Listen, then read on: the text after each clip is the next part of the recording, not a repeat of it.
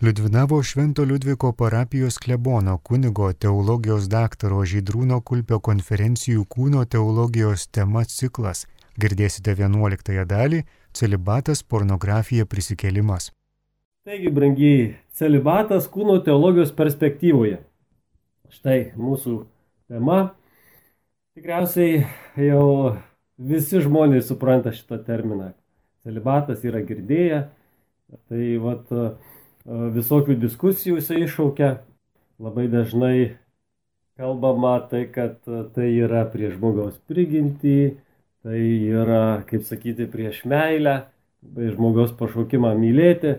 Va, tai va ir pasižiūrėsime, kaip tai suderinti šitos dalykus. Ar ne, celibatas. Pats terminas celibatas.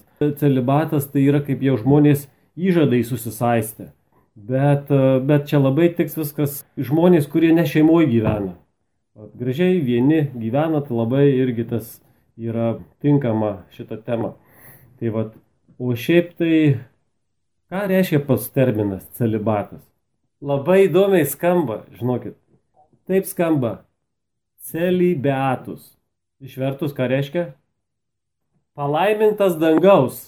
Celibeatus. Palaimintas dangaus. O toks specialus pašaukimas iš dangaus. Daug prieštaravimų, daug pasipriešinimų šitai minčiai. Vat ir dabar Jonas Paulius II mums kūno teologijos e, mokymais, tom katechezijam atskleidžia, kad visai priešingai. Celibatas neneigia žmogaus prigimties, jo labiau pašaukimo mylėti. Vat ir mes dabar pasižiūrėsime, kaip tai yra. Jonas Paulius II e, savo kūno teologijos katechezise paskiria šiai temai gana nemažai e, vietos laiko. 14 atskirų būtent tų katechezijų paskiria celibato klausimų. Ne? Ir kitose katechezise ne tik 14, bet ir dar paliečia taip pat, kaip sakoma, kaip temos persikerta. Kaip galima būtų apibriežti celibatą? Jonas Paulius II savo katechezise nepateikia detalaus apibrėžimo šito dalyko. Bet jeigu mes pažvelgsime į visą jo kalbėjimą, mes galime padaryti tokį, išvesti tokį apibrėžimą. Tai štai kaip būtų galima įvardinti. Celibatas yra vyro ir moters susilaikimas nuo santokos dėl dangaus karalystės. O ieškant detalesnio celibato apibūdinimo kitose šaltiniuose galima būtų pasiremti tokio teologo Richardas Saipas. Būtent jisai taip kalba. Ir jo tą pristatytą celibato apibrėžimą perima taip pat toksai The Oxford Companion to Christian Thought. Būtent leidinys. Ir štai kaip jisai išplečia ir paaiškina labiau. Celibatas yra laisvai pasirinkta ir dažniausiai įžadu susaistyta dinaminė būklė, kuri apima nuoširdžias ir besitęsiančias pastangas gyventi be tiesioginio lytinio potraukio tenkinimo, su tikslu vaisingiau tarnauti kitiems, vedant dvasiniam motyvui. Tai išeities taškas, kalbant apie celibatą, apibrėžimas toksai, kas tai yra. Va matome, kad tai yra susilaikimas nuo santokos, nuo lytinio e, būtent to potraukio tenkinimo ir su tą motivacinę atgamtinę, tai dėl dangaus karalystės. Kartais įžadas, kartais ir be įžadų tai vyksta. Taigi, savo katechezėse Jonas Paulius II ir pasako, kad celibatas neprieštarauja prigimčiai. Todėl žmogus turi vedybinę kūno prasme. Mes kalbėjome, ne ta vedybinė, jungtuvinė kūno prasme.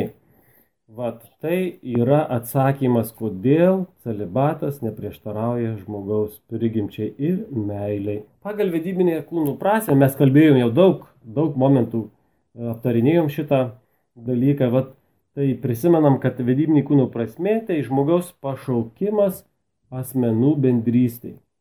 O ta bendrystė užmesgama per meilę, kaip savęs dovanojimą. Kiekvienas žmogus turi tą prigimtyje savo pašaukimą vedybiniai kūnų prasme. Ir tai asmenų bendrystėj per savęs dovanojimą, tai yra meilė. Taigi, asmenų bendrystėje kertinis momentas Ir e, Jonas Paulius pabrėžia, jau tai jeigu apibendrinant, kad būtent mes, kaip vat, vyras, moteris, vat, tą savęs dovanojimą nukreipia į vienas kitą santukoje. Čia Jonas Paulius sako, kad žmogus specialiai pašauktas gali savęs dovanojimą ne į kitą asmenį nukreipti, ne į kitą žmogų, bet į patį Dievą, kuris yra taip pat asmuo. Ir ne su moterim ar vyru sudaryti asmenų bendrystė, bet ypatinga bendrystė asmenų, išpildant vedybinę kūno prasme su pačiu Dievu, į patį Dievą nukreipti tą savęs dovanojimą ar meilę. Taigi, štai išeities taškas vedybinės kūno prasmės įtraukimas, paaiškinant, kaip taip gali būti. Toliau Jonas Paulius pabrėžia vieną labai aiškų dalyką, kad celibato motyvas yra meilė. Turi būti meilė. Mes kalbame, kad žmogus pašauktas mylėti, tai vat ir tą nori išryškinti Jonas Paulius II. Žmogus yra sukurtas mylėti. O ir būtent svarbu pasiaiškinti, kad celibatas atsiliepia šį žmogaus prigimtinį pašaukimą mylėti. Na, jeigu to nebūtų, jis gal, gali atrodyti kaip nežmogiškas. Celibato motyvas yra meilė kaip atsakas į Dievo meilę. Celibatiniam įsipareigojimui tai vad įkvepia meilį. Mes patiriam Dievo meilę ir atsakome ypatingą išskirtinę meilę Dievui.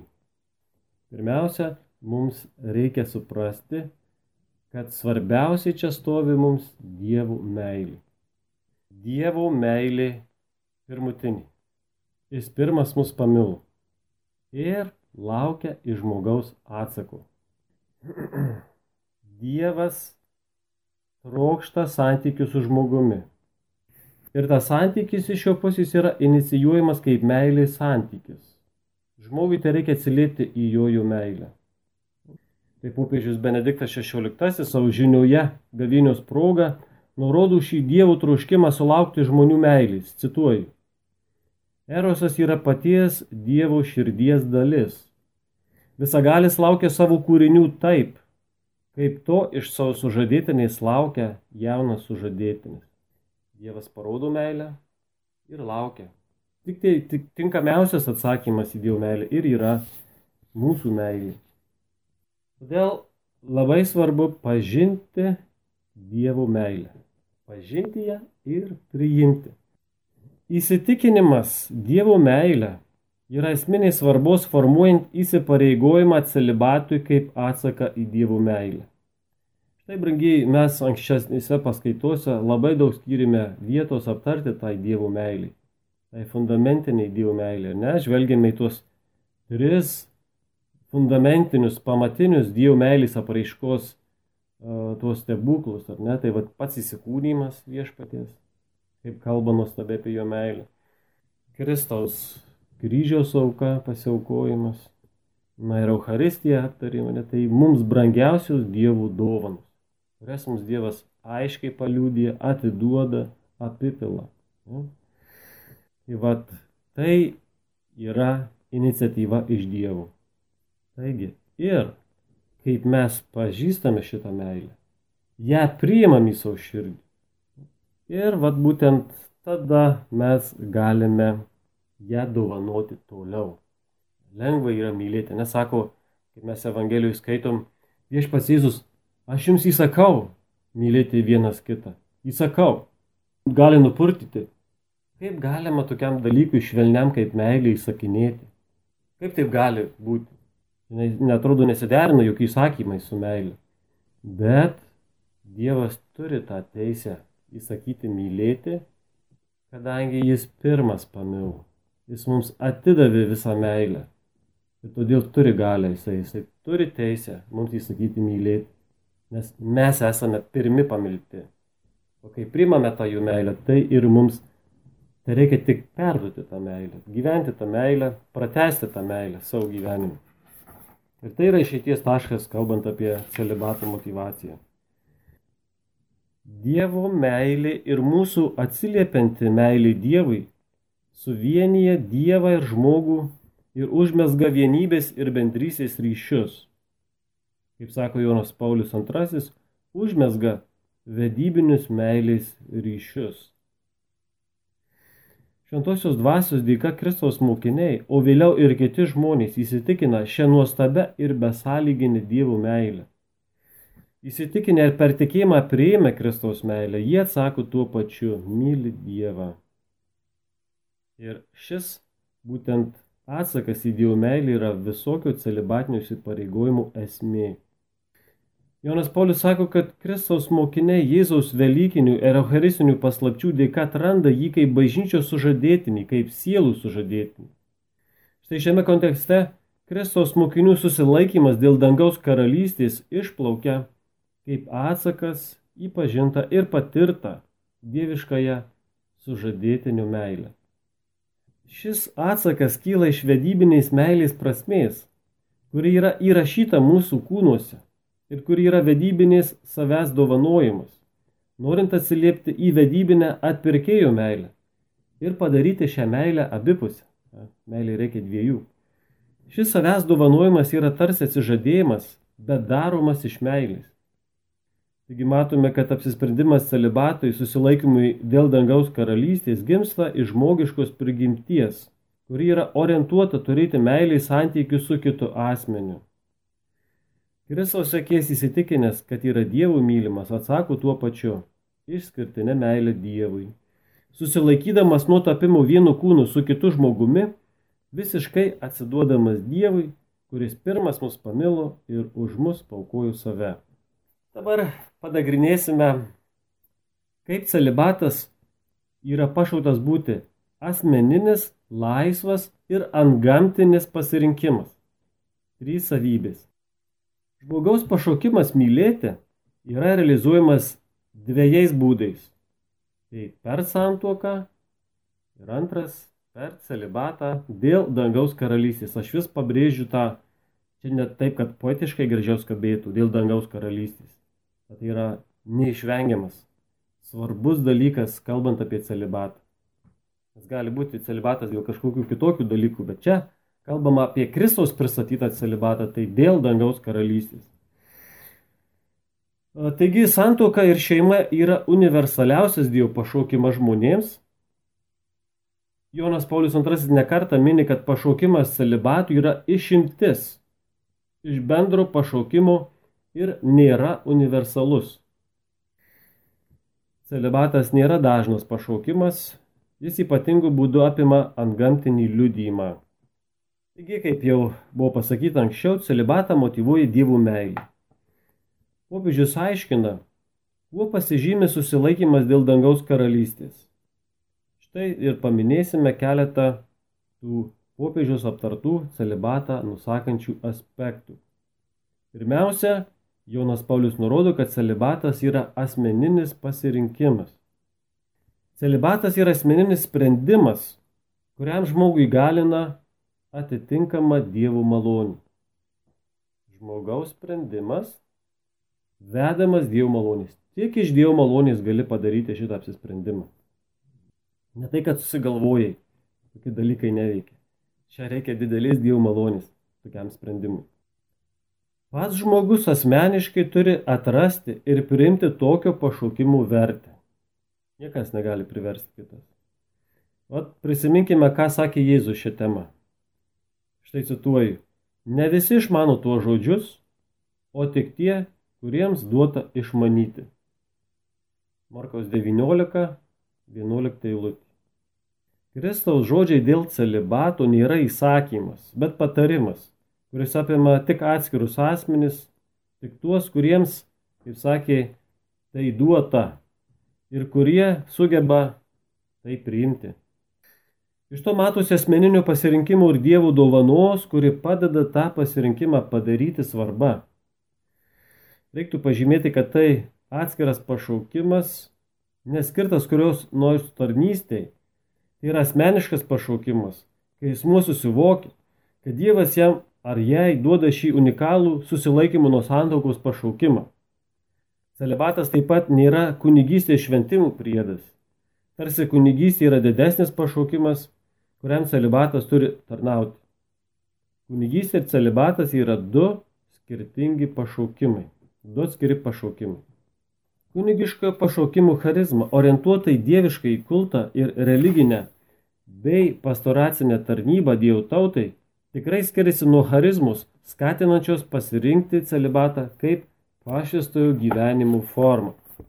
Taip, čia yra citata būtent e, Pauliaus šeštojo popiežiaus. Taigi matome, gali būti, dabar šiuo metu bažnytinėje teisėje celibatas yra privalomas Romos katalikų bažnyčios kunigams. Rytų, rytų apieigose yra kitaip, bet šiuo metu matom, kad ir rytų ten kunigai ir gali kunigauti ir turėti santokas, šeimas. Matome, kad tiesiog tai yra du atskiri pašaukimai ir būtent e, šiuo metu yra tokia tvarka, gali kažkas keistis, bet reikia suprasti, kad e, nėra esminis dalykas kunigystėje celibatas.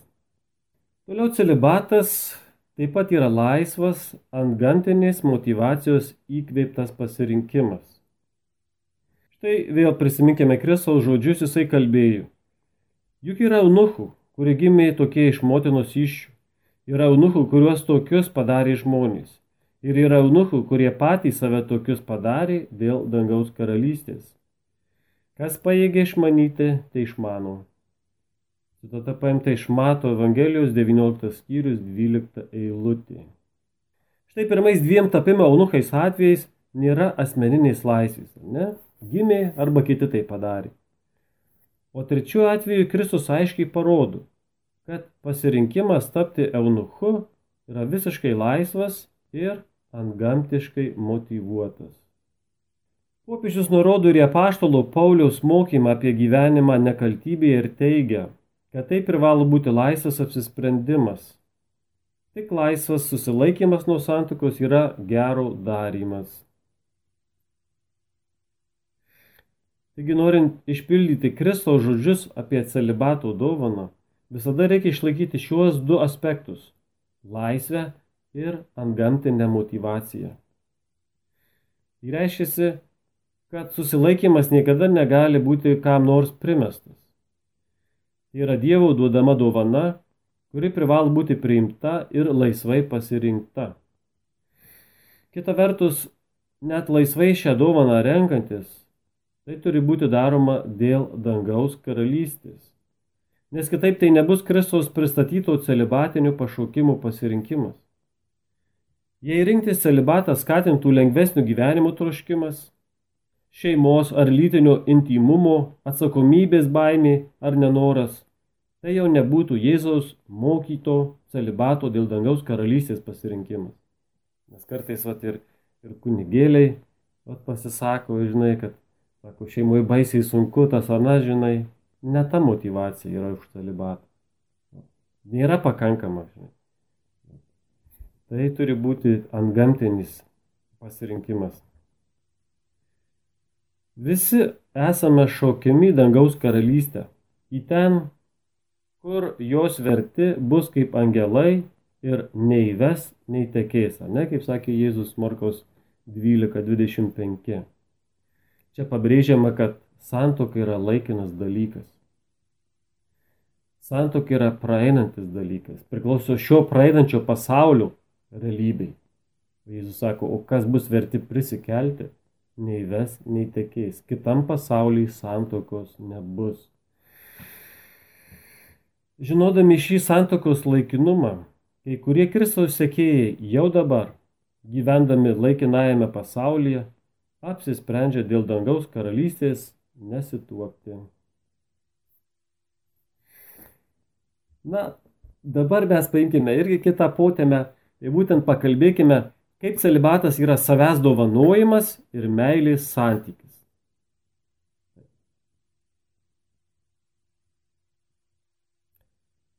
Aptarėme anksčiau vedybinę kūno prasme ir pasiaiškinom, kad tai yra tikroji žmogaus prigimtis, kuri nusakoma kaip pirma.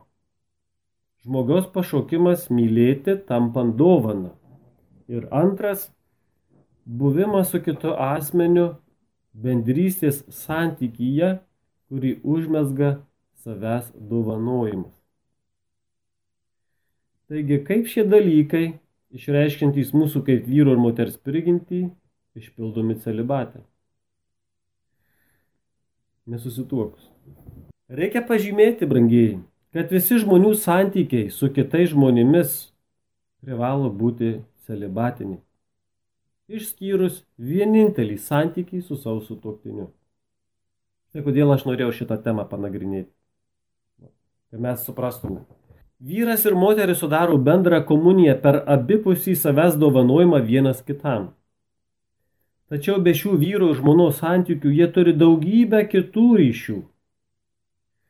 Jų santykiai kaip vyro ir žmonos yra išskirtiniai, bet gyvenime su kitais žmonėmis jie turės įvairių santykių, kurie yra vaisingi, meilę dovanojantys. Tokiems santykiams mums kviečia žmogiškasis lytiškumas kuris tik vienus iš visų žmogaus turimų santykių apibūdina kaip sutuoktinius, santokinius. Visi kiti ryšiai bus be tapimo vieno kūno išraiškos. Vadinasi, didžioji dauguma žmogiškų ryšių yra paskirti būti celibatiniais. Ne visi esame pašaukti santokai. Ir neturint šį pašaukimą, dauguma mūsų ryšių su kitais žmonėmis bus kitokio pobūdžio nei santokiniai ryšiai. Jie bus celibatinio pobūdžio.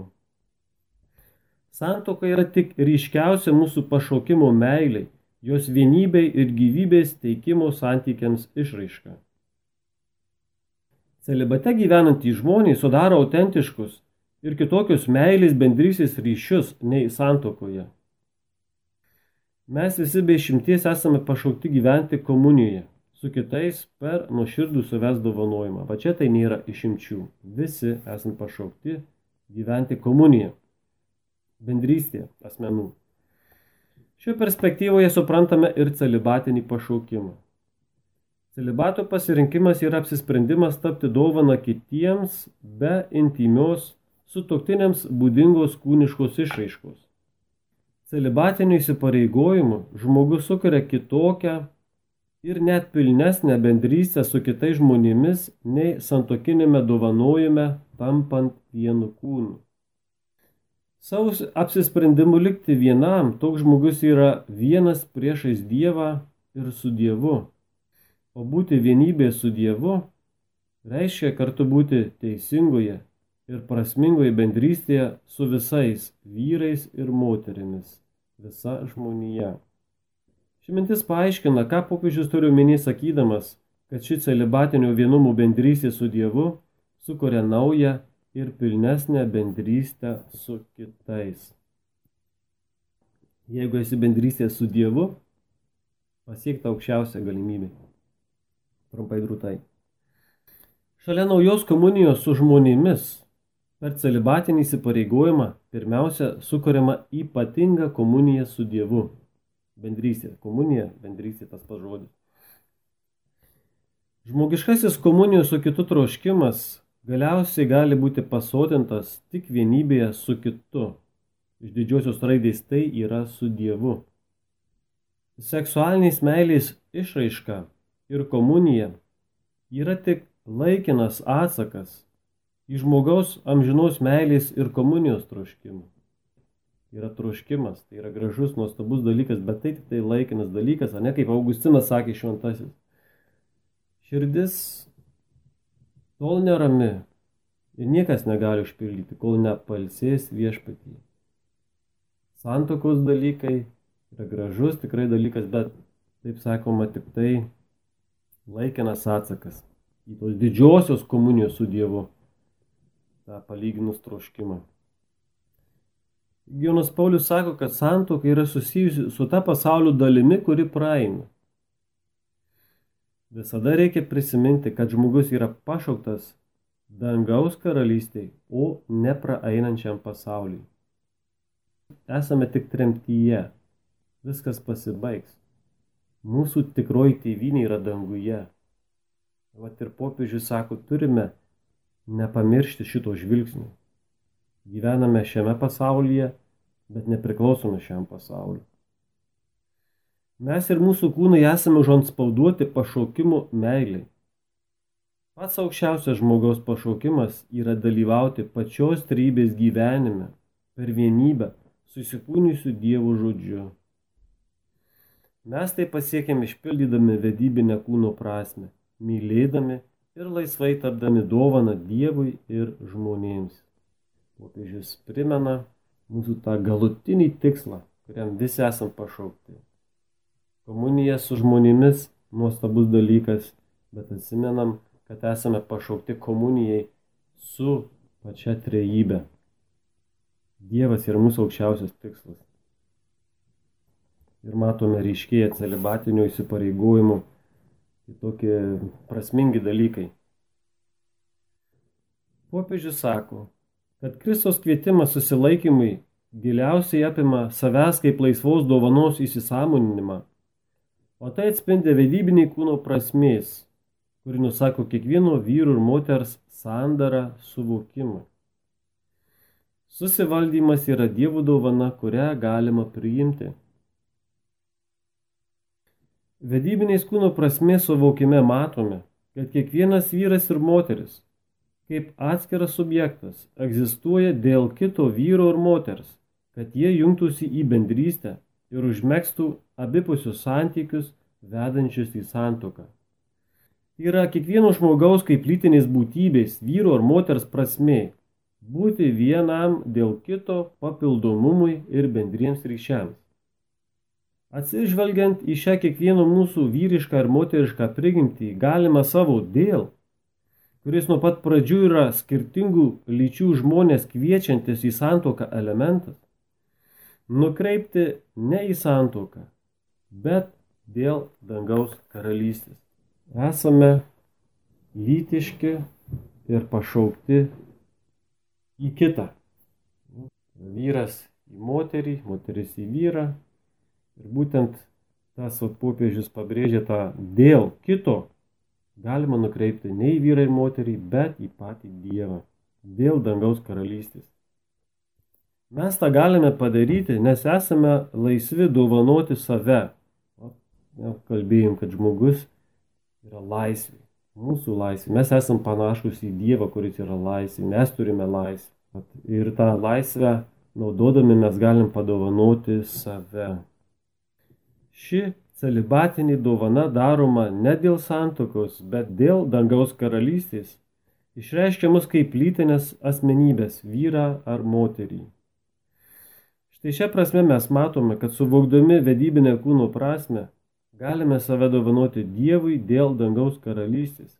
Ir tai autentiškai apima mūsų asmenį kaip vyrą ir moterį. Vatis popiežius aiškina, kaip celibatinis įsipareigojimas neprieštarauja mūsų prigimčiai. Žmogaus meilė yra valinga ir gali būti nukreipta ir į kitą asmenį, kuriuo iš tiesų gali būti ne tik žmogus, bet ir kūrėjas. Biblija mums perduoda tiesą, kad žmogus yra laisvas ir gali tapti dovana. O vedybinės kūno prasmės esmėje ir yra laisvė. Žmogus privalo būti laisvas, kad galėtų save dovanoti. Žmogus nėra laisvas, jei vergauja savo geiduliams. Kristus kalbėjo, kad kas nusideda, tas yra nuodėmės vergas. Toks žmogus nėra laisvas ir dėl to neturi panašumų į Dievą, nes Dievas yra laisvė. Todėl savęs kontrolė ir skaistumas yra esmiškai būtini norint atrasti savo tikrąjį aš ir išryškinti Dievo panašumą žmoguje. Nesunku suprasti, kad susivaldymas yra esmiškai būtinas ir celibatui. Celibatiniam gyvenimui reikalinga kontrolė ir tvarka, norint apvaldyti nenuspėjimą lytinį potraukį. Tik tapęs laisvu, žmogus gali laisvai ir besąlygiškai save dovanoti ir per šią laisvą dovaną užmėgsti autentiškus meilės komunijos ryšius su kitu asmeniu, bei taip pat atrasti savo gyvenimo prasme. Žmogus būdamas laisvas save dovanoti ir atradęs ypatingą pašaukimą nekaltybei, gali panaudoti šią laisvę kad padovanotų save ne žmogui, bet Dievui. Visą tai plaukia iš vedybinės kūno prasmės suvokimo, kuris yra esminis žmogaus egzistavimo pasaulyje elementas, pabrėžia Jonas Paulius. Žmogus gali atšaukti savęs dovanojimą kitam žmogui, įdant pasirinkdamas susilaikymą dėl dangaus karalystės, galėtų save pilnai padovanoti pačiam Kristui. Tokiu celibatiniu įsipareigojimu žmogus nukreipia savo prigimtinį ilgesį bendrystėj tiesiogiai į Dievą. Kaip žmogus sugeba sukurti tokią meilę kitam žmogui, kad įsipareigoja visam gyvenimui, Taip gali būti suformuota ir tokia meilė, kuri kvėptų žmogų viso gyvenimo įsipareigojimui dėl dangaus karalystės. Labai svarbu, brangiai, pažvelgti į pačio Kristaus pavyzdį. Nes Kristus mums atskleidžia giliausius žmogiškumo slėpinius. Kaip sako pašalos Paulius, Kristuje kūniškai gyvena visa dievystės pilnatvė. Taigi Dievas nusprendžia visapusiškai apsireikšti žmogui. Tai jis įvykdo per Kristaus įsikūnymą, apreiškia dievystę ir tuo žmonijai visiškai atskleidžia žmogiškumo paslaptį, kartu parodydamas, kad šis žmogiškumas įprasminamas celibatinėme įsipareigojime.